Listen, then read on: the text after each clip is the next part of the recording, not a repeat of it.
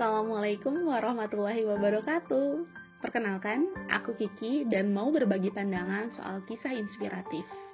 Tapi pertama, definisi inspiratif bagi aku sendiri adalah satu hal yang menggugah untuk kita bikin sebuah kreasi baru setiap harinya. Cukup banyak tokoh inspiratif bagi aku yang hidup sejak zaman Rasul bahkan sampai hari ini. Misal, kisah hebatnya Hamzah dalam memimpin perang atau sesederhana kisahnya Uwais Al-Qarni yang kisahnya begitu terkenal di langit. Bagaimana sebuah bentuk bakti kepada orang tua bisa mengantarkan kita ke dalam surga. Wah, keren kan? Nah, kalau zaman sekarang, banyak banget tokoh inspiratif yang hidup.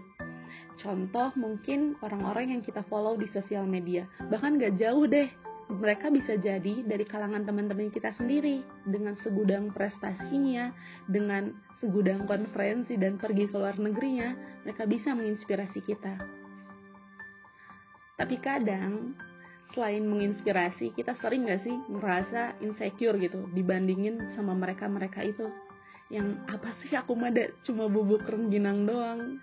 Yang sering ngerasa bahwa aku ngerasa lebih rendah dibanding mereka karena aku nggak punya prestasi apa-apa untuk bisa jadi inspirator.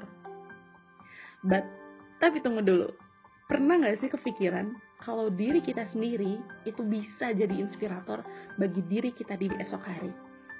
Gimana caranya coba?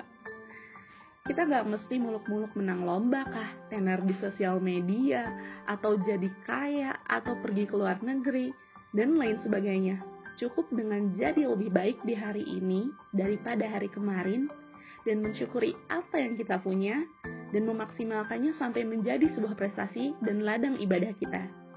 Simpel kan? Dengan sendirinya, hari demi hari, kita bisa menuliskan semua kemajuan kita dan tanpa sadar, boom, mungkin kita bisa menginspirasi orang lain. So, let's write your own story and be an inspirator.